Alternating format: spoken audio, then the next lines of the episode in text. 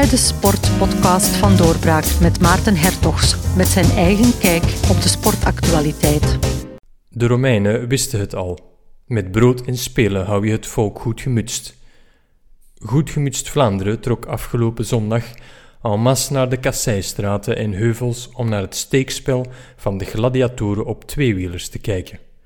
Ze doorstonden de kou en de uren van wachten met, wegens het glasverbod langs het parcours, voornamelijk ingeblikte glazen boterhammen. En met kijken op grote en kleine schermen naar hoe Binyam Girmay voor de start een verjaardagstaart kreeg aangeboden, of hoe Tadej Pogacar na afloop een pak frietjes in de handen geduwd kreeg. Als deze renners het al uit het oog verloren waren, werden ze er bij deze aan herinnerd.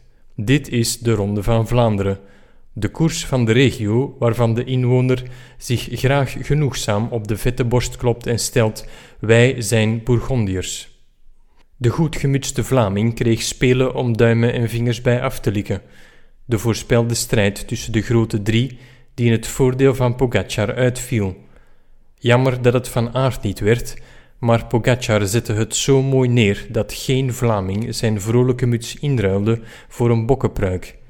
Bovendien deed Kopecky wel wat Van Aert niet kon: met glans winnen. Na amper een kwart van het jaar heeft ze zichzelf al bijna tot sportvrouw van 2023 gekroond. Wie voor de sportprijzen aan het einde van het jaar ook incontournabele zal zijn, is Knak Roeselare.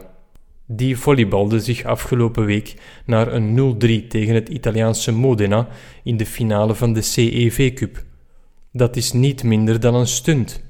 Het geeft uiteraard een ideale uitgangspositie voor de beslissende terugmatch deze week. Aangezien Modena een topclub met wereldsterren is en de CEV Cup in het volleybal zoiets als de Europa League in het voetbal, is de winst nog lang niet zeker. Het is toch een beetje alsof een Belgische ploeg de Europese beker wegkaapt na een finale tegen pakweg Manchester United. Een resultaat waar een Vlaming goed gemutst op zou klinken.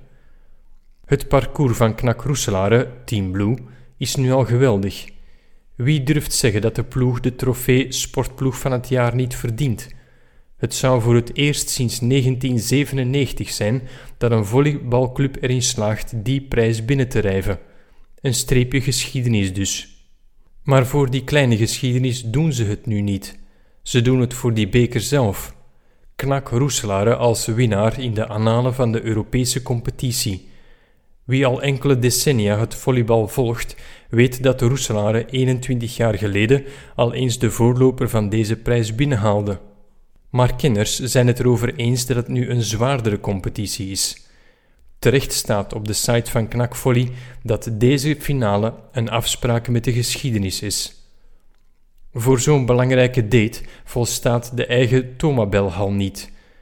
Bekend met de Vlaamse volksaard huurt Knak Roeselare de nabijgelegen expohallen af. Daar kan de wedstrijd op groot scherm gevolgd worden. Knak Volley verkondigt: de Tomabelhal en de daarnaast gelegen expohallen zullen ontploffen. Dat is nu al zeker.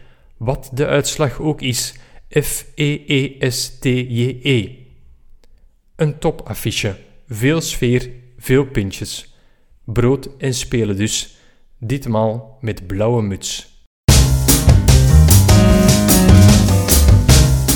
U luisterde naar een eigenzinnige sportpodcast van Doorbraak. U kan deze podcast altijd opnieuw beluisteren op doorbraak.be-radio.